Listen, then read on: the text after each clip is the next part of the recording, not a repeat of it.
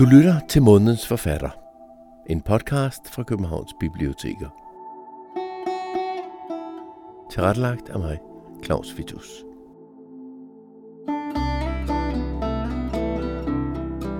Denne månedens forfatter er Mathilde Walter Clark, som i 2023 har udgivet to bøger. Romanen Det blinde øje og den lidt mindre bog i hvert fald i sidetal, hvordan man laver dyr. Den 53-årige Mathilde Walter Clark har skrevet adskillige romaner, og hun eksperimenterer med de traditionelle genrer. Hun udkom for eksempel i 2020 med essaybogen Huset uden ende, som skildrer hendes personlige iagttagelser af ja, alt fra amerikanske seriemordere til Kirkegårds forfatterskab og kulturkritik. Også med de to nye bøger er der fokus på virkeligheden og dagligdagens oplevelser og erfaringer. Bogen Det blinde øje har undertitlen Beretningen om det efterår, hvor minkene forsvandt ud af minksagen. Det er en roman, der har fokus på dyrene, altså minkene, og ikke på papirsagen, som hun kalder det. Altså alt det der med Mette Frederiksen og politik og Barbara Bertelsen og jura og så videre. Nej, det er mængdene, der er fokus i bogen Det Blinde Øje. Og det er også dyrene, der er i fokus i den anden bog, Den Lille, som Mathilde Walter Clark har skrevet. Det skal jeg nok komme ind på meget mere i denne her samtale, jeg har med hende i de næste 45 minutter. En samtale, som starter med at tale om mink, og derfor mit spørgsmål til hende. Hvornår så du første gang en mink? Altså, jeg har jo ikke set en mink. Altså, tænker du på i virkeligheden, eller hvad? Du har aldrig set en mink? Nej, jeg har aldrig set Nej. en mink. Hvornår så du første gang en mink på, ja, Jamen, det, det har jeg jo i virkeligheden så set i Landbrugsavisen, fordi jeg begyndte at abonnere på Landbrugsavisen i lige omkring, hvor vi luk- lukkede landet ned. Det var faktisk, da vi lukkede landet ned i 2020, i, omkring den 11. marts, hvor statsledere i hele verden trådte frem i sort tøj og annoncerede, at nu skulle vi lukkes inde, og der var en pandemi og alt det her. Der begyndte jeg at abonnere på Landbrugsavisen. Og Hvor, det, hvorfor det? Altså Landbrugsavisen er sådan et fagblad for Ja, og man- danske landmænd Ja, primært. ja, det er lige præcis. og Det bliver produceret af Landbrug og Fødevare. Og man kunne få, altså nu lyder det som om, at man får sådan en papiravis ind ad døren hver dag. Man kunne faktisk abonnere på sådan et nyhedsbrev, der kom hver dag klokken halv fire ind i ens indbakke, med alle de vigtigste nyheder ifølge landbruget selv, og formidlet og præsenteret ligesom, øh, til øh, og for øh, landmænd.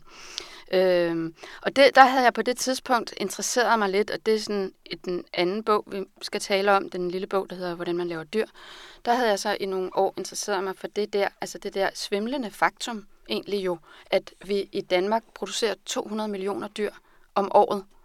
Og vi, når vi går ud på gaden, vi ser ingen dyr. Vi burde jo, altså jeg burde jo se øh, altså 50 grise på vej hen her til hovedbiblioteket for at tale med dig. Mindst, at jeg bor tæt på. Øh, så det er bare det der mærkelige med, hvor er alle de dyr? Øh, og det havde jeg været interesseret i, efter jeg på et tidspunkt sad på sådan en skriveophold på Hal, som ligger ved... Halv hovedgård ved, Halv hovedgård, ved, ved Viborg. Lige præcis lidt uden for Viborg, der ved Dollerup Bakker og sådan noget, der havde jeg gået rundt sådan. Og jeg vidste jo, at det var sådan et af de mest, altså det er sådan mørkerødt øh, plet på kortet ind hos Danmarks Statistik, fordi der er enormt mange dyr der, men det er jo nogen, der så er inde i nogle produktionshaller. Og der blev jeg sådan lidt fixeret på det der med at prøve at komme ind i sådan en produktionshal, for at se de der dyr, for at se de grise, der ligesom lever i min skygge, sådan forestillede jeg mig det lidt, ikke? Der, der er sådan, øh, sådan næsten to og en halv gris per indbygger her i landet. Ikke? Så jeg vil gerne se min to og en Det, halv, det er det, som du kalder en skyggegris. en skyggegris. Ikke? Men altså, at vi alle sammen har to, to og en halv, 2,2. ja, øh, 2,2 grise. ja. Øh, og dem vil jeg gerne ligesom bare konfrontere mig med. Altså, øh, og det, det lykkedes så ikke, og det altså, havde jeg sådan, altså, prøvet på, og kontaktet og så videre, den største svineproducent, der lå der i området og så videre. Det var, altså, han var utrolig flink, men det, det, han vendte ikke tilbage. og Jeg sidder i en helikopter, og jeg kan ikke lige snakke nu. Kan du ringe, eller kan du snakke med min sekretær? Og jeg mailer tilbage, hvis du ved. Det, det, det var sådan en, en formfuld måde at, at børste folk væk på, øh, uden at være decideret uvenlig. Øh, og andre måder havde jeg prøvet på at komme til at se det. Så jeg havde været interesseret i det noget tid. Og, og, og den, den her historie, den folder du også ud i den der, hvordan man laver dyr. Ja, at der rent faktisk også var måske en anden grund til, at han ikke ville have dig ind, fordi han havde et, nogle, nogle domme. Der var, noget, der var noget ikke helt legalt. Der var noget med, at nogen havde fundet nogle sække med tetracyklin inde i et skur, og det er jo sådan, det, er jo, det betyder, at man fodrer dyrene en masse med altså et antibiotikum. Det er jo forbudt her i Danmark, så han, det endte jo med en, med en, med en ret stor dom osv. Øh, men øh, ja, og det leder så frem til, at jeg så på et tidspunkt siger, at når nu jeg ikke kan komme ind i de her industrianlæg for at se dyrene, så kan jeg det mindste prøve at tilgå nogle af dem, der har adgang til dem og, og er inde i de øh, anlæg. Og det er jo ikke særlig mange mennesker, men det er jo så de øh, øh, producenter, vi har i, i landet, og så de medarbejdere osv., der er der. Og så tænkte jeg, så går jeg til landbruget selv og læser, hvad de selv skriver om det, og hvad de selv prioriterer, hvad synes de er det, de vigtigste nyheder, og hvordan Altså, hvad tænker de om det, de laver? Hvad tænker de, altså, øh, hvordan taler de? Hvordan taler de om dyrene? Hvordan taler de om deres erhverv og så videre. Men, men, men den research, som du jo så på den måde startede, altså dels med nysgerrighed ved, ved at der, du ikke rigtig kunne se nogen dyr omkring hal derovre ved, på skriveopholdet, og så det, at du abonnerer på, øh, på Landbrugsavisen, og også nogle andre medier øh, senere. Ja, ikke? ja. Men vidste du, at det her nu er jeg i gang med at lave research til en, en bog, ej, eller ej, til ej. En, et essay. Ja. Fordi i virkeligheden er det her jo lidt, det vi snakker om nu, det er essayet, hvordan man laver dyr. Ja, En lille kort 50 siders ting, ja, en lille bitte som bog. hvis nu er kommet i tredje oplag allerede. Ja, Øh, ja. nej, det vidste jeg bestemt ikke. Øh, og det var simpelthen bare egen personlig interesse. Jeg vidste jo heller ikke, hvor meget der var at finde ud af. Altså, jeg var bare optaget af det.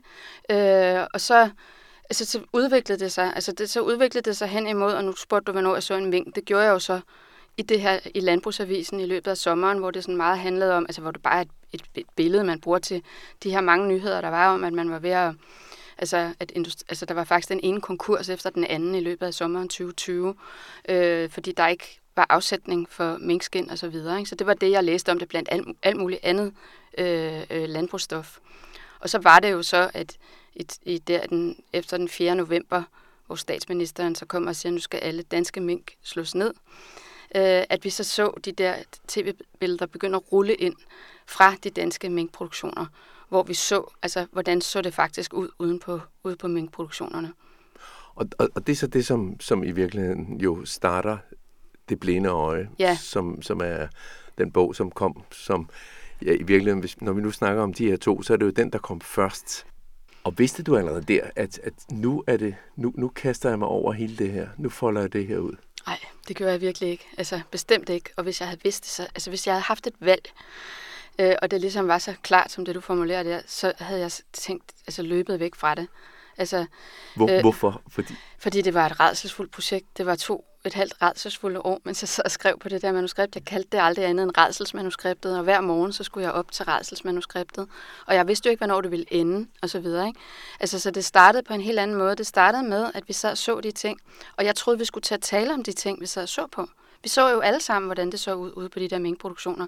Øh, at altså, de der kilometer strækninger af buer øh, med dyr i, og hele den der infrastruktur, som stod klar til faktisk at foretage det stykke arbejde med at aflive 17 millioner individer, ikke? Med, som var alle de maskiner og alt det der, vi sad og så på. Men der blev ikke talt om det. Der, der stod en mand i forgrunden, øh, sådan grødkvalt mand, øh, som vi måtte forstå var producenten og så videre, og det her var noget, der havde ramt ham, øh, og så videre. Og, og så ble, udviklede det sig jo til den der, altså som jeg har den frækhed at kalde for en papirsag, fordi det jo alt sammen var noget, der handlede om lovbøger og vores fortolkninger af lovbøger og om, altså, hvad hedder det, hjemmel og øh, hvor stod hegnspælene og hvad var klokken, da man gik ind over nogens matrikel og så videre. Øh, og, og, og, og, og det, det er jo, papirsagen er jo den politiske sag, som, Ja. som det, denne her bog jo i virkeligheden ikke handler overhovedet ikke Om- handler om. Nej, Fordi at, at du, du ruller en masse andre aspekter op omkring mink, og det som du siger, det du troede, at vi skulle til at tale om, Ja. øh, altså om, øh, et, et, et, du laver et, et drama, hvor der både er pelshandlere og, øh, og rumænske øh, folk, der, der normalt bliver brugt i, i minkindustrien, men nu blev de lige pludselig kaldt minkbødler, og der er aflivningsmetoder, som du stykker ned i, og der er ja, misrygt, og, og, og hvad der normalt foregik inden for, for mink, minkbranchen. Men, men selve papirsagen har du lidt sådan, altså politikersagen, den ja, er lidt skubbet ud. Den er fuldstændig skubbet ud, og det er jo fordi, at jeg synes jo, at, at det var, altså jeg, det er det, jeg kalder en forgrundshistorie, fordi det var det, der knyttede sig til den mand, vi stod i forgrunden, og så blev det gjort til en lille sag, der handlede om de her 800 plus minkavlere. Men det, jeg jo så der i baggrunden, og som vi alle sammen sad og så på, var jo noget, der sådan set angik os alle sammen. Øh, og først og fremmest, altså sådan hænger det jo fast i den kendskærning, at dyrene er dyr, og at vi ligesom havde gjort os ansvarlige for 17 millioner individer, som nu vi stod i den situation, at vi måtte afleve, fordi der var, der var bredt en smitte ud blandt dem, som smittede både fra dyr til dyr, men også fra øh, dyr til menneske.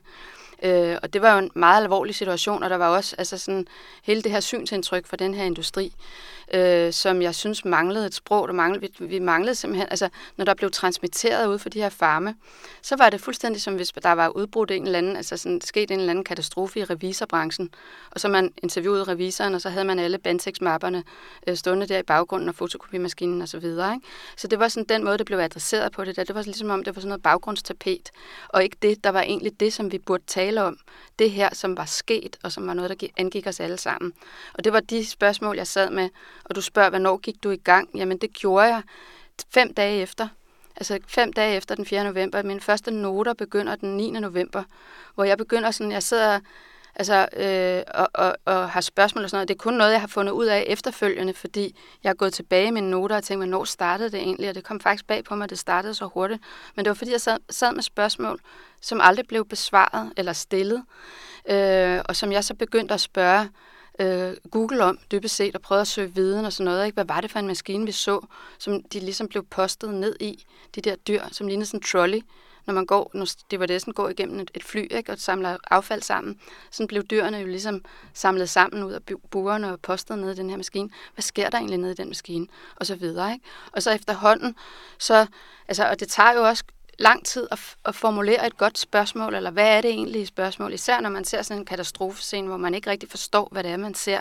Men efterhånden forstod jeg jo, at det vigtige spørgsmål at stille, det var jo, hvorfor er vi havnet i den her situation, og hvad kan vi gøre for at undgå det? Ikke?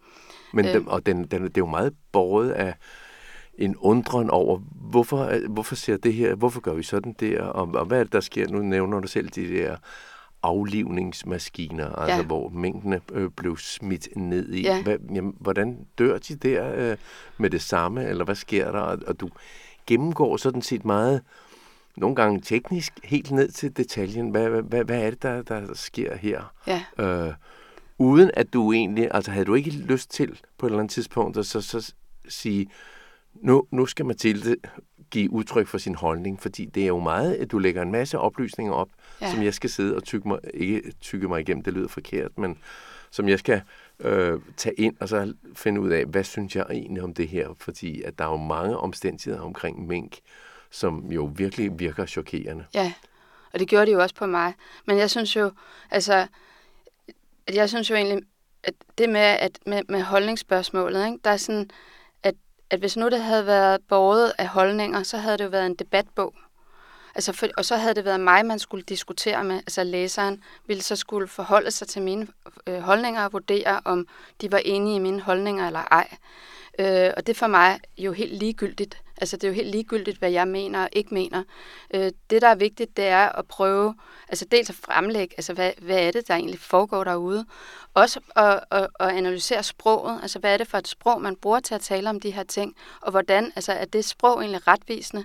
Altså der er meget af det sprog, der bruges til at tale om det her, der øh, tildækker virkeligheden og så videre. Ikke? Så det, der ser jeg også, at jeg har en rolle som forfatter, at jeg kan tilgå sproget, jeg kan måske lave nogle sproganalyser og finde ud af faktisk, hvad der, altså hvor, hvor man kunne være mere præcis og sådan nogle ting. Ikke? Ja, du, nævner, og, du nævner det der med ordet rationel drift og ja.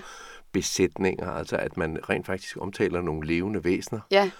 på den her meget, øh, ja, revisor, ja, det, det er lidt forkert sagt, men altså meget kolde måde, at man ikke ikke betragter det her som andet end en del af en produktion. Det Ja. er jo sådan set produktionsenheder. Præcis, og det var jo også sådan, det blev øh, omtalt af, af medierne, da, da, da hele den nationale minkaflivning foregik. Altså, det var jo sådan, det jeg også reagerede på i det, det var, at der var intet tidspunkt, hvor de blev omtalt som dyr. Altså, hvor vi forstod, at de dyr, de blev omtalt som nogens øh, ejendom, der så blev krænket af staten osv. Det var et varelager, det var en produktion, det var et produkt osv. Det var, øh, hvad hedder det, en ressource. Nogle gange var det noget affald, som vi skulle slippe af med osv. Ikke? Men det blev aldrig adresseret, at uanset hvad vi vælger at kalde dem, øh, og uanset at vi behandler dem som et produkt, eller de var øh, øh, nogens produkt, så var der jo den større virkelighed, som var, at de var dyr. Og det var jo blandt andet det, vi så ud af den situation, vi stod i, hvor de havde en smitte, der var udbredt, øh, øh, brudt ud i blandt dem, og som nu også smittede til mennesker. Og det er det jo ikke normalt, at produkter ligesom kan udbrede en smitte. Så det var som om, at, at man havde taget noget, der var et stykke natur, noget naturgivende, og så har man puttet det ind i et produktionsanlæg, og så underkender man det faktum, at det er et stykke natur, og at det er et dyr. Øh, men det opførte sig jo ikke som en Altså, det opførte sig jo som et stykke natur. Ikke? Det var det, der var ligesom øh, det brud, som jeg synes var det, som vi skulle tale om og adressere. Hvad vi stiller op med både minkproduktionerne og alle de andre dyreproduktioner, vi har, hvor vi har taget noget, der tilhører naturen og er sin egen, øh, lever i sin egen ret, og så behandler vi det på en måde, som, som underkender det faktum. Øh, og det, det, det, det skaber, skaber sådan nogle brudflader, som nu for eksempel den smitte, der brød ud der. Du skriver på et tidspunkt jo også, at du, du tidligere, nogle år før, jo rent faktisk havde set øh, et dokumentarprogram, Operation X, med Morten Spiegelhauer, som handlede om pels, øh, pels på vrangen, hed Ja, det. ja. Altså, hvor man havde undersøgt forholdene på, på mink øh, farmene, som, Ja. som det jo så kaldes, Ja, eller industrianlæg, Ja, eller ja. hvad du nu vil kalde Ja. det. Men, øh, og det havde ikke, der havde du i virkeligheden jo vendt, som du selv skriver, det blinde øje til. Ja, faktisk kunne jeg ikke engang huske, om jeg havde set det program. Altså, det var jo faktisk et program, jeg fik fingre i, mens jeg sad og skrev på bogen, fordi jeg vidste, den havde været der. Jeg vidste, den havde været en bombe under industrien, dengang den kom, og at industrien havde brugt 50 millioner kroner på at rette op på det billede, den havde, det havde efterladt på nethænderne hos de folk, der havde set øh, øh, dokumentaren. Men jeg kunne ikke selv huske, om jeg havde set den, simpelthen. Så det er jo bare et eksempel på, hvor, hvor meget der egentlig skal til, før at man reagerer. Ikke? Altså, Og, og det leder mig sådan set hen til, at, at så efter det blinde øje er kommet, øh, øh, så, eller er det, er, det, er, er det samtidig, at du så begynder at skrive på øh, det, som i virkeligheden er en boganmeldelse, som så bliver en lang boganmeldelse, et essay til information, som så ender som en bog, eller ja, altså når, når den er så lille, som den er, så vil jeg kalde den en pamflet. Men Jamen, det må du ikke. det må jeg ikke, det ved jeg godt. Det er en lille bog. Det er en lille bog, og den er Ja. sød, en sød lille bog, med, Ja. som hedder, hvordan man laver dyr, øh, og som altså er ja, så populær forløb, at den er kommet øh, her i december i, i tredje oplag. Ja. Hvor- Hvorfor begynder du at lave den, altså udover nu, jeg har lige fortalt dig, at det var en anmeldelse, Ja. men, men at, at, at det i virkeligheden bliver en, en opfølger, som også har en forside, der minder om det blinde øje. Ja. Altså, det er den samme øh, illustrator. Men hvornår finder du ud af, at oh, denne her, det er jo i virkeligheden, her er det, her er det Mathilde Walter Clark, der træder igennem på en helt anden måde måske, Mm. øh, end i, i det blinde øje. Altså, jeg synes jo, de begge to er sådan båret af samme, altså skrevet på samme måde, båret af samme ånd. Og den ene handler, den store tykke handler jo så om, og minkproduktionen, og, og egentlig som case, fordi alle, der læser den, forstår godt, at den handler også om grise, den handler også om kvæg, den handler også om kylling, og den handler også om fisk. Altså, den handler om alle, de, altså, alle slags dyreproduktioner, øh, vi har. Øh, så den handler på en måde om den hele. Og den lille bog, der handler om grise, det var jo, altså det kom så jo af den bog, jeg så skulle, jeg fik en opgave simpelthen fra Information, det var Peter Nielsen, han skrev til mig og sagde, vi har fået den her øh, bog ind til anmeldelse, vi vil, jeg vil gerne have, at du skriver et stort essay øh, med udgangspunkt i den her, men om dansk landbrug osv.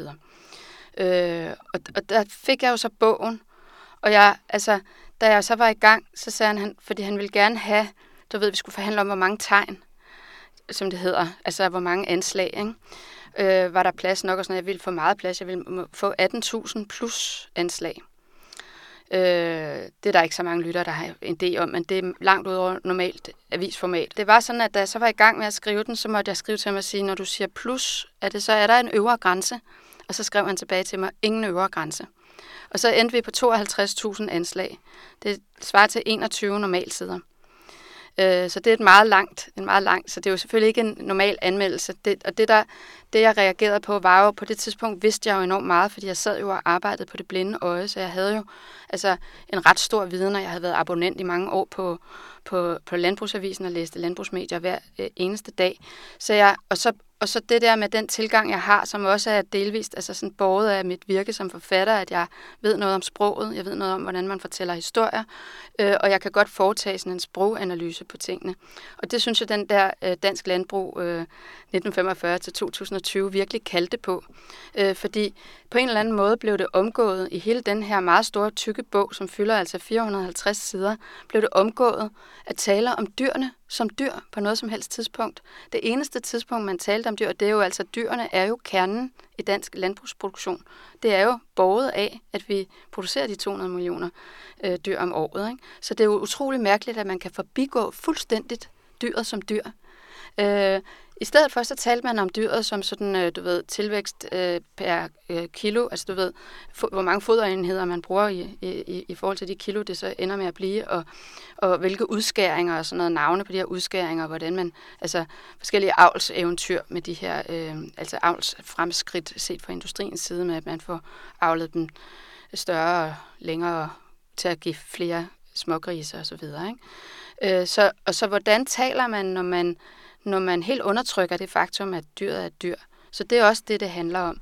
Og så handler det jo, altså, så handler det jo faktisk om alt det, der ikke står i dansk landbrug øh, 1945 til 2020, nemlig om, hvordan man laver dyr. Altså, så der er jo sådan helt håndfast nede med, altså, hvordan selve avlen foregår, og hvordan altså, de mange øh, grise, der hver dag dør i produktionen, altså sådan utilsigtet dør, hvad gør man egentlig med dem? Jamen, de, hvad bruger man? Altså, de, de kroppe bliver afhentet af dæka, og, og så bliver de lavet om til brændstof, som vi hælder i vores øh, benzinmotor, når vi kører på, og, på grønt. Og så, og, så, grønt. og så bliver det positive historier, at, ja, at, at døde, det er grønt, døde grønt. grise ja. giver grøn energi. Energi, præcis. Og du, du skriver også til allersidst i, øh, i, hvordan man laver dyr. Der får man lige sådan med på lige en, en lille oplysning om, hvor mange øh, pattegrise, som er døde, mens man har læst den tekst, som altså er på 253 sider. Ja. 800 pattegrise. Og inden bogen er lukket, og det gør den lige om lidt, så dør der en eller to til. Ja var, var dit formål her at, at, at fokusere, at, at sige til os konsumenter, hvis, vi nu skal kalde os noget andet, os der spiser nogle gange, øh, eller er det til, til landbruget? Fordi du adresserer jo hele tiden den, det her sprog, mm. også både i, øh, i det blinde øje og i, hvordan man laver dyr. Altså sproget er vel også noget, som jeg er kommet til at overtage fra, ja. fra ja, er det fra landbruget? Det er jo vel ikke landmanden, øh, nødvendigvis, som er ond hensigt, nej, har, nej, har manipuleret mig ind i at, at, at glemme, at det er levende væsener, øh, vi har med at gøre. Altså det sprog, vi har til at tale om landbruget, er jo et sprog, vi har overtaget. Det var meget, altså for meget kort tid siden, var vi jo en meget stor del af os jo landmænd. Altså det var jo sådan for nogle et par få generationer siden, så var en fjerdedel af os landmænd. Øh, og de, de øh, de tre andre fjerdedele, de kunne stå og kigge ind over hegnet, og så kunne de se, hvordan øh, dyr blev lavet, øh, og så videre. Så der, så der var sådan ligesom et normfællesskab, og så videre. Og det, og det er jo, det, det sprog har vi nedarvet. Altså, så, øh, så når vi taler, så får vi de billeder i hovedet. Mange, altså tror jeg, at når vi snakker med en landmand, så har man jo et billede i hovedet af, af, af nogen, der altså, øh, dyrker jorden og, og så videre. Ikke? Og det, det, det er jo meget langt fra virkeligheden nu om dage, hvor, hvor man er producenter, man er virksomhedsledere. Mange af dem, der er producenter, de kommer ikke selv i de stallanlæg og sådan noget. Det har vi de medarbejdere, der gør. Så, øh, så, så, og, og, og dyrene er ligesom lukket inde i de her hermetiske anlæg med betongulve og så videre, kommer, altså ser aldrig dagens lys og bliver opbevaret under forhold, der mere minder om sådan noget ude i Surgard, hvor vi andre har vores ting stående og sådan, ikke? Altså, øh, så, så, så vi har, vores sprog fremkalder ligesom den her øh, øh, Jens Hansens bedstefars bondegård, som vi, vi, vi, vi, vores egen bedstefar måske havde, og ikke så meget den virkelighed, øh, der er derude. Så det er en af de ting, jeg så har prøvet, det var, altså er jo at, at prøve at komme med et lidt mere virkelighedsnært og tidsvarende sprog øh, på at tale om det her, men det er jo så også for at måske også, øh, altså fordi vi ikke selv kan komme med de der anlæg, vi har ikke adgang til dem, at prøve at, at gøre gøre, altså når nu vi ikke kan lave, hvad hedder det, produktionsanlæg af glas, altså hvor vi så kan kigge ind og se på dyrene, så kan man så måske prøve at gøre sproget øh, glasklart, sådan så man kan kigge igennem sproget og få en, en adgang til, hvad det er for nogle dyr, øh, øh liv, dyrene lever, fordi jeg simpelthen tror, at vores forestillinger, de øh, ligger et helt andet sted. Og, og og der vender du jo i virkeligheden tilbage til, at, at turen ud fra halv hovedgård dengang i, i Viborg, hvor du gik og ledte efter, hvor er de dyr hen, de 2,2 grise, som Præcis. vi alle sammen har, øh, skyggegrise, som vi alle sammen har. Øh, og og det, det du lige, når du snakker om glasklarhed, og så er, er der, nævner du jo også den øh, sydafrikanske forfatter James Curtis øh, roman, eller i virkeligheden en del af, den, af, af, af, af denne her historie om Elizabeth Costello, Nemlig. Men det må du nok heller selv forklare, fordi det er, det, så tager vi lige en tur ud i, i verdenslitteraturen, øh, Nobelpristageren Køtzes øh, syn ind på, og ikke mindst hende her Elisabeth Costello, øh, hendes syn på, også på dyr. Fordi det, det er den, du bruger i, øh, hvordan man laver dyr, ja. nemlig den her glas i virkelig en glasslagteri. Ja. Men prøv at forklare det. Ja, det, der stiller du på en, på en meget svær opgave. Altså, det er meget svært at forklare, hvad det er for en slags bog, det her, og hvad det er for et slags forfatterskab, i virkeligheden meget kort her. Øh, og den her figur, som er Elisabeth Costello, som er sådan en figur, som Køtze har, som er en fast figur i det senere forfatterskab. Øh, og det, der ligger inde i den bog, du nævner, Elisabeth Costello, der ligger der sådan to tekster, der, der, der begge to handler om dyr, og som har været udgivet selvstændigt. Øh, det var faktisk dem, de tekster, der kom først, øh, og som blev, var egentlig to forelæsninger, han holdt på Princeton øh, University, hvor han var inviteret som i, for, til at holde, give et filosofisk foredrag. Og så kommer han og fortæller de her to historier om Elisabeth Costello, som er en forfatter. Øh, og det, der er med hende, det er, at hun øh, prøver på at gøre opmærksom på dyrene. Altså, øh, og, og, og på et tidspunkt, så, så siger hun, det er faktisk ikke den, det er en senere novelle, der er kommet, hvor den samme figur ligesom går igen, og så ringer til sin søn en sen nattetime og siger, hvad vil det koste at lave et glasslagteri? For det, hun gerne vil have, det er, at folk skal kunne se det. Altså folk skal kunne se, hvordan det ser ud, hvordan det lugter, hvordan det lyder, når dyrene bliver slagtet i et glasslagteri. Og det er jo så det, jeg har lånt fra hende, for den figur, øh, til i, at spørge, i, øh, hvordan man laver dyr, og sige, jamen, kunne vi ikke inde på Akseltorv bygge en lille svineproduktion? Og Akseltorv i København er der, hvor øh, Landbrug og Fødevare, altså Landbrugets organisation, har hovedsæde. Præcis. Og det, vi snakker altid, altså der hænger i sådan i perioder sådan et meget stort banner ude på, på Akselborg, hvor der står åbent landbrug. Hvilket jo er sådan, altså har jo, altså bør siges med meget store citationstegn, fordi landbruget er jo ikke åbent. Det er sådan, alle, der har prøvet at besøge en svineproduktion, ved, at man, det er ligesom at besøge et laboratorium. Man skal sluses igennem af flere omgange, man skal have sådan et, altså en, en dragt på, og man skal have sit fodtøj af og have nogle andre, noget andet fodtøj på osv. Det er sådan, det er, det, det, man skal virkelig sluses igennem, som var det til et laboratorium. Så åbent landbrug, det er sådan, og, og man kan heller ikke bare dukke op på en svineproduktion og sige, må jeg komme ind og se? Altså man bliver vist væk simpelthen. Øh, og selv til åbent landbrug, som jeg har prøvet at være til, og man spørger, må jeg fotografere? Det må man ikke. Så, så åbent landbrug er jo sådan noget med meget store modifikationer. Man, man tænker, hvis man tager det udsagn på ordet, jamen så kunne man måske, i mange af, at man kan komme ud og se de rigtige anlæg rundt i landet, måske bare bygge en lille bitte svineproduktion af glas inde på Akselborg, sådan så vi alle sammen kan se og høre og lugte, øh, hvordan det går for sig ud på anlæggene. Og lige præcis det forslag, øh, og måske også i det hele taget øh, de her to bøger, jamen øh, har, har du fået nogen som helst reaktion fra Landbrug og Fødevare øh, på, det, på dem her? Nej, ingen. Simpelthen ingen. Men det vælter ind med reaktioner fra altså alle mulige mennesker. Og det er sådan, altså det sidste, jeg jo havde regnet med, jeg havde jo regnet, altså, at det her mit det, som jeg kaldte redselsmanuskriptet, som er, er minkbogen, ikke? og der er mange, der læser begge bøger, øh, at, at det, det vil måske have cirka 10 læsere eller sådan noget. Ikke? Nogle, jeg allerede havde talt med, fordi jeg tænkte, der, var, der er cirka 10 mennesker i det her land, der sådan interesserer sig for dyrene, og dem har jeg jo mødt i løbet af de sidste to og et halvt år, mens jeg sidder og arbejdet på det her. Og jeg tænkte, men altså, jamen, så er der da 10 læsere, men, men det var cirka, cirka, hvad jeg regnede med. Og så er det simpelthen bare løbet afsted med begge de her bøger. Jeg modtager øh, så mange mails og så mange beskeder på, så, på alle tænkelige platforme. Øh, selv endda altså på min private telefonnummer på, på sms, sådan noget lørdag aften kl. 10, fra en eller anden læser, du ved, der reagerer på de her bøger. Og som alle sammen er sådan overvældende positive reaktioner, altså som, som simpelthen kommer sådan bag på mig, at, øh, at jeg troede, at i det omfang, at sandheden overhovedet ville være hørt, så troede jeg, at den ville være ildehørt. Men det er den ikke blevet. Men, men føler du sådan en, en, en både en stolthed, men også en, en trang til måske at blive sådan et dyrevelfærdsaktivist eller øh, vegetar øh, øh, fortæller for vegetarisme eller vegane, øh, veganerne eller altså jeg kunne forestille mig at de også er der og, altså, og kan se alle at, at, at du har fremlagt en masse af de argumenter og dokumentation. øh, ikke mindst, Jamen som det, de kan bruge. Det, det er sjovt, fordi det er faktisk overvældende, i overvældende grad helt almindelige mennesker. Altså det er sådan helt almindelige mennesker, der skriver til mig, og ikke nogen, der sådan er aktivister eller øh, veganer eller, eller det der. Og jeg sådan selv har det jo sådan, jeg er jo ikke aktivist, altså på nogen som helst måde. Jeg, jeg, jeg er forfatter, altså jeg, jeg er først og fremmest bare et menneske og en borger. Og så har jeg tilfældigvis det her, den her erhvervsbeskæftigelse at skrive bøger, det er min måde at tænke på.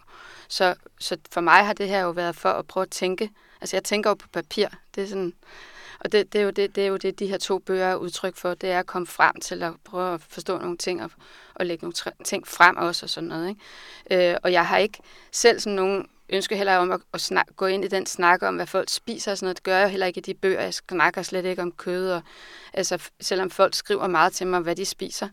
Og, sådan, og så tænker jeg altid, at det er da egentlig sjovt, vi kan da godt en eller anden dag mødes og udveksle opskrifter, eller vise hinanden feriebilleder, eller sådan noget, men jeg synes på en måde, det er sådan, at sagen her uved, uvedkommende lidt, ikke? fordi det er sådan, vi har sådan en tendens til, at vi altid, lige så snart vi snakker om dyr, så begynder vi at snakke om vores middagstallerken.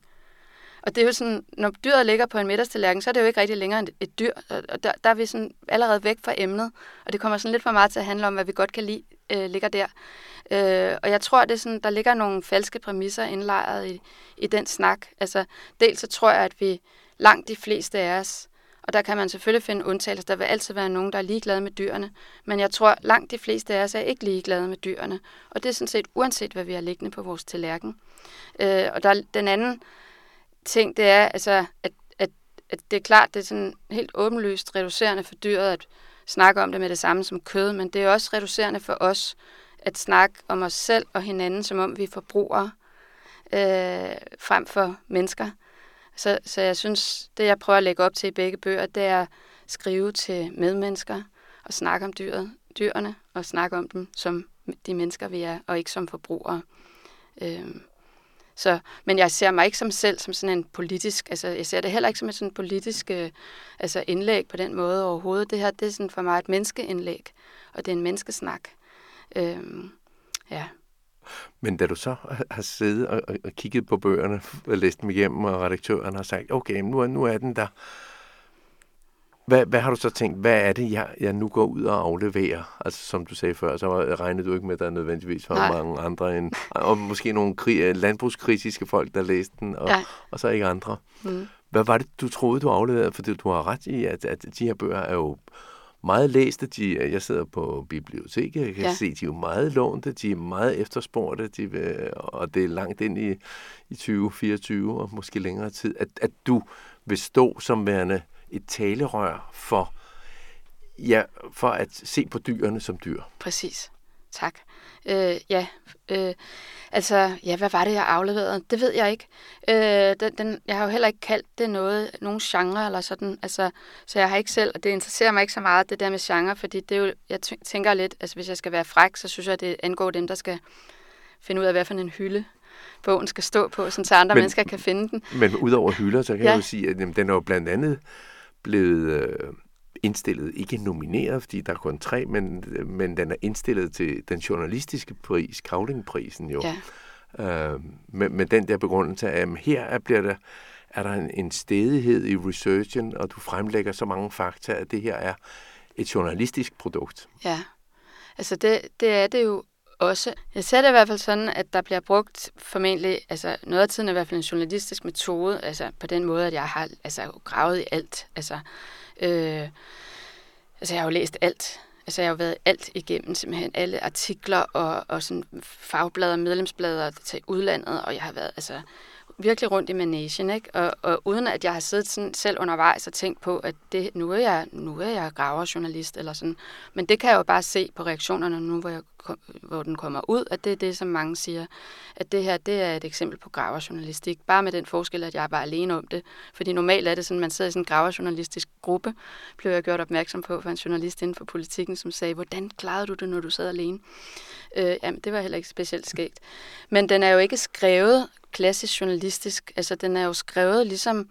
Altså, så for mig er det sådan skønlitteratur, det er sådan helt indløsende, at det er skønlitteratur, men det er ikke fiktion. Altså, alt er jo virkelig, der bygger på rigtige kilder og åbne kilder, alle kan tilgå osv. Så, så altså, men, men det, har jo, det er jo skrevet med den, hvad skal man sige, altså min rod i skønlitteraturen, og sådan, det, det i sig selv, at den hvad skal man sige, der, jeg bruger ikke nogen navne for eksempel i den overhovedet, fordi for mig er det fuldstændig uinteressant, hvem, hvem de her mennesker er som navne og adresser, der indgår i den her historie. For mig er det interessant, hvilken rolle de har, og jeg prøver på med den måde og den form, jeg har givet det på, måske at komme, altså fordi den rum, altså bogen i sig selv rummer en kritik af den måde, vi fortæller historier på, og hvordan de historier kommer på så god afstand af virkeligheden, at de faktisk slet ikke handler om virkeligheden overhovedet. Så det rummer den en kritik af, og, og er måske med sig selv og sin egen form et bud på en ny måde, at man kan prøve at fortælle historier på, og som er en historie uden nogen hovedperson. Altså der er jo ikke ligesom en normal roman, for eksempel, nogen hovedperson, eller sådan vi følger, men et væv af nogle aktører, nogle omstændigheder osv., som ligesom skaber hele denne her hele det her, som så er det kompleks, som vi så øh, bevæger os rundt i næsten som sådan en teaterforestilling, som er sådan minkproduktionen øh, i Danmark. Du kaldte det et, et, et redselsprojekt. Er, er det så også slut? Altså vil du ikke kaste dig over mere omkring dyr? Øh, Ja, det er jo ret sjovt, fordi jeg får, altså, det vælter ind med beskeder med, altså sjovt nok forstår folk godt, at den her bog handler om alle mulige andre dyr, selvom at den handler om mink. Men samtidig er der mange, der rigtig gerne vil foreslå, at jeg også lige skriver noget om nogle fisk. Og vil du ikke også gerne skrive om øh, de der heste? Øh, og vil du ikke skrive om, altså jeg kan næsten ikke komme i tanke om alle de dyr, jeg har fået foreslået, at jeg skal skrive om.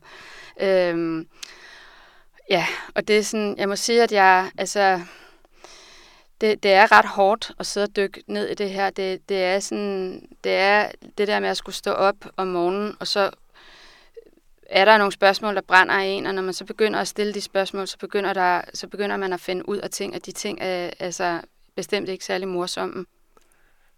Udover dyr, så er der jo, der er jo også mennesker øh, i, de, i de her bøger, temmelig mange endda i, i virkeligheden, som jo mest bliver øh, set på, øh, som du siger, det er ikke navngivende mennesker, men, øh, men en, af, en af de brancher, som du kigger ind i, er jo også mediebranchen. Altså medierne, hvordan blev hele, og det er jo så primært i det blinde øje, ja. øh, hvor du ser på, jamen, hvordan fremstilles hele det her fra november 2020, hvor at øh, statsministeren går ud og siger, nu, øh, nu skal alle mink aflives. Og så, så sidder du og kigger der ja, fra starten af november, og så mange måneder frem, på alle de her tv-billeder og alle de her tv-portrætter og øh, udvidede tv-aviser øh, på den ene og den anden kanal. Men du kigger også meget på baggrundene, på hvad er der omme bag, øh, mm. bag de her mennesker. Fordi mange af øh, det er menneskene i front, grædende, eller næsten grædende, eller i hvert fald mennesker med deres ansigt i grimasser, øh, fordi at de har tabt en masse osv. Hvad, hvad er det, du ser der i, i mediets måde at i virkeligheden fortælle os, mediernes måde at fortælle os om, om mink, øh, avlerne, om minken, altså dyrene? Ja, men jeg synes, altså der er utrolig mange ting at sige om det her, ikke? Men jeg synes, at, at det er, altså, og det havde jeg ikke noget sprog for på det tidspunkt, men det var måske bare det, der, der sådan bevægede sig i mig, og som så to et halvt år efter er blevet til en bog. Men det er jo, at man, at det stykke af virkeligheden, man kigger på, øh, at medierne kiggede på, var et så, så helt utroligt lille stykke af virkeligheden, så vi slet ikke forstod, hvad det var, vi stod i. Og det blev sådan hæftet op på de her personhistorier med de her 800 plus mennesker, øh, som så blev ligesom sådan bærer af den her historie, det var dem, det var sket for, det var en tragedie, fik vi at vide, og alle de her ting. Øh, og så bliver det ligesom, så bliver der aktører i den her historie, de var sådan nogle tragisk ramt, ramte helte, øh, skikkelser, som var sådan en nordjøde, altså fik vi at vide, øh, og, og øh, som var sådan en type, der... Fordi vi, i alle interviewsene gik det igen, hvad er det for en type? Og så skulle vi høre, at det var en type. Jamen, det var jo rigtige mennesker med navne og adresser. Det er jo ikke en type. Men det blev det til i medierne. Det blev den her type, som var nordjøden, som står tidligt op, som knokler, som er tavs, fåmælt osv. Og, og når vi så så sådan en, en... De var alle sammen mænd, som så stod der og var den her type, som er tavs og fåmælt og knokler, og som så græd, så skulle vi forstå, ligesom, eller det ligger i luften, at så var vægten af de her tårer jo så meget desto tungere, og at nogen måtte have gjort denne person ondt og fortræd. Og der skulle vi så, altså, kom det jo meget hurtigt i stand med den her hjemmelsag og så videre, at det var så myndighederne i alle tænkelige niveauer, helt fra højeste top, statsministeren, helt ned til de såkaldt romanske minkbødler, bødler, som de blev kaldt i, i, i medierne. Øh, der var dem, der gjorde øh, minkproducenten for træd. Øh, og, og bagved lå jo så, og det, der har jeg jo beskrevet lidt, altså de, de her produktionsanlæg, som under de forhold, som vi kunne se dyrene levede under.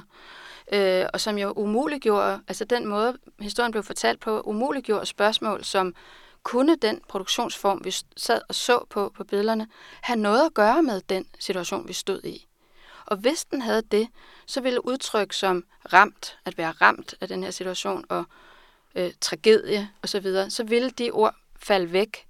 Fordi så forstår man måske, at jamen, det her, og det ved jeg jo, fordi jeg abonnerer på Landbrugsavisen, og jeg læser Landbrugsavisen hver dag, at det er en, et helt bevidst, altså det ved alle, der har store dyrehold, de ved, at det, der er en risiko forbundet med det, fordi dyrene kan blive syge, der kan bryde sygdom ud blandt dem.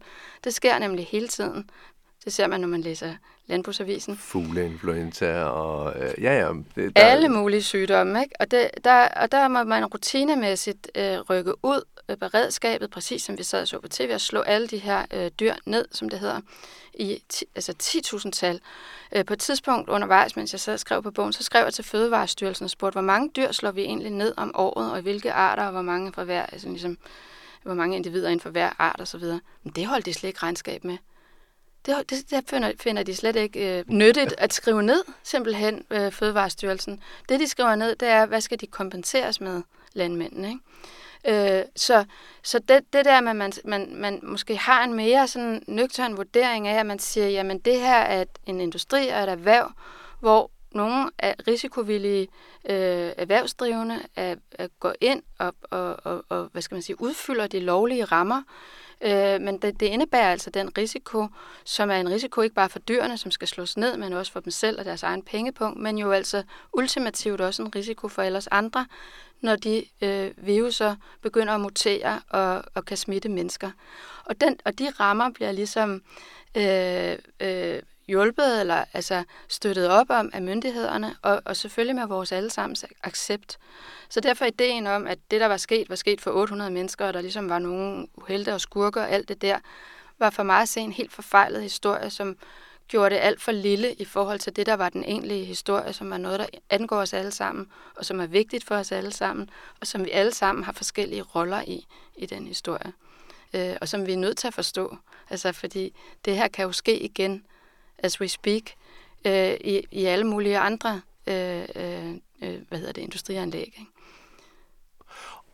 Og det, at du, at du belyser i virkeligheden øh, historien, øh, man kan sige, bagved, eller i hvert fald forsøger at have det, øh, en, en videre vinkel på dit kamera, end, end de meget øh, fokuserede på, ja. På den enkelte case, og på tåren, på kinden og så videre. At, tror du også, det er årsagen til, at, at der er så mange, som reagerer nu øh, og skriver til dig, og altså at de i virkeligheden, de har vi har alle sammen siddet og set de der billeder, og, ja. og tænkt, ej, det var nok synd for de her mennesker, og hele deres liv er ødelagt, og nu kan Sønneke ikke engang få lov til at overtage fars farm, og alle de her rørende historier, der rent faktisk kom. Og, det, og de rørende rører jo os, fordi vi er jo ikke selv i stand til nødvendigvis, at når nej, i virkeligheden, så slog de jo for pokker mængdene ihjel cirka sådan hver tredje måned, eller hver anden måned, når de var store nok. Nej, en gang de, om året. En, en, gang, en gang om året. Og det var faktisk okay. på samme tidspunkt. Ja. Der var bare tre ugers forskel. Ja, for de ville jo gerne have haft, at, at man at, skubbede lidt, ikke? Ja, så ja. underulden kunne nå at være vokset ud, ikke? Ja. så kunne man, øh, ja. Men tror du, det er de samme mennesker, som nu i virkeligheden for, pludselig for, læser sine bøger og, øh, og hvordan man laver dyr og finder ud af, nå, for pokker, vi har bare lavet os lulle i søvn af i virkeligheden medierne. Jeg tror, alle mulige varianter findes. Øh, det kan jeg jo se, at der er nogen, der har siddet og, og, og t- altså måske haft nogle af de samme, altså uden at måske have et der sprog for det, fordi det var jo måske det, vi manglede, men, men øh, haft en eller anden mærkelig fornemmelse af, at det var utrolig mærkeligt, at vi sidder og kigger på de her dyr uden at tale om dem. Og så tror jeg, at der er nogen, der faktisk slet ikke har tænkt på det. Men det, som jeg jo altså som du spørger om, og som jeg synes er et vildt godt spørgsmål, og som jeg slet ikke havde tænkt på, det var, at, at det her er en fælles erfaring. Altså det her det er et stykke Danmarks historie, vi har alle sammen erfaret det her, og vi har alle sammen siddet i de der 3, 4, 5 uger og kigget ind i den der skærm og fået fortalt en anden historie, end det vi sad og så på. Og alle de billeder ligger underbevidst hos folk, det er det, jeg kan mærke, når jeg er ude og tale med folk, og når jeg i, i faktisk i alle de sammenhænge, jeg kommer i, så begynder de, de her billeder at komme op til overfladen hos folk, og de, sådan, de ligger jo indlejret i os på en eller anden måde. Ikke? Det, jeg ikke havde regnet med, det var, at alle folk kommer og fortæller mig en eller anden personlig historie. Altså folk, de kommer og fortæller om, og det er meget forskellige ting, men det er meget personligt. Jeg har mange utrolig personlige samtaler med folk ud fra det her mærkelige, mærkelige emne, og som jo er noget, som hvad skal man sige, jeg har prøvet med en tidligere bog, jeg har skrevet, der handlede om min far, og, sådan, altså, og der er det jo ikke så mærkeligt, at folk kommer og fortæller personlige historier. Men det her, at det her emne er på en eller anden måde så intimt og personligt for, for os alle sammen, og som kan komme alle mulige vegne fra. Det kan være, at man har vokset op øh, i Nordjylland, er der folk, der har skrevet til mig, ikke? Og, og de har leget på deres øh, veninders forældres minkfarme, eller de har vokset op i Nordjylland og aldrig set en minkfarm, og også blevet chokeret. Eller deres far har, du ved, eller altså alle mulige, eller selv har, har arbejdet på deres forældres minkfarm, mens de voksede op og været med til at aflive dyr. Og, altså utrolig mange historier, personlige historier, og, sådan, og som minimum har vi alle sammen siddet og kigget på det der på tv, og det, det sådan, kan jeg bare mærke, at det har, det har, det har været mere end det, som var med, med Operation X, som var en halv time, hvor, vi, hvor nogen altså af os den måske... dokumentar, vi talte om før. Ja, lige præcis, hvor man ligesom sidder nogen og ser den en halv time, og så er det væk igen. Men det der med, at de indtryk bliver ved og ved og ved og ved med at lege, lege sig i en igennem to, eller hvad hedder det, tre, fire, fem uger, ikke? Det, det skaber et eller andet stort sådan fælles, altså dybest set traume, tror jeg, som, som øh, den her bog måske kan være med til at ligesom gør, at vi kan tale om, eller sådan. Altså. Sluttede Mathilde Walter Clark. Bøgerne, som kan hjælpe os til at tale om mink og alle de andre husdyr, som vi omgiver os med, er altså bøgerne Hvordan man laver dyr og Det blinde øje.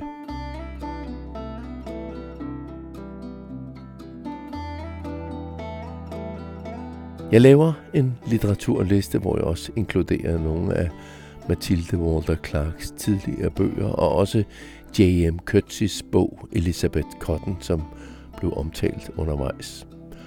Og du kan også høre om de her to bøger, altså hvordan man laver dyr og det blinde øje, i en anden af Københavns Bibliotekers podcasts, nemlig Bogdate, som handler om aktuelle debatbøger.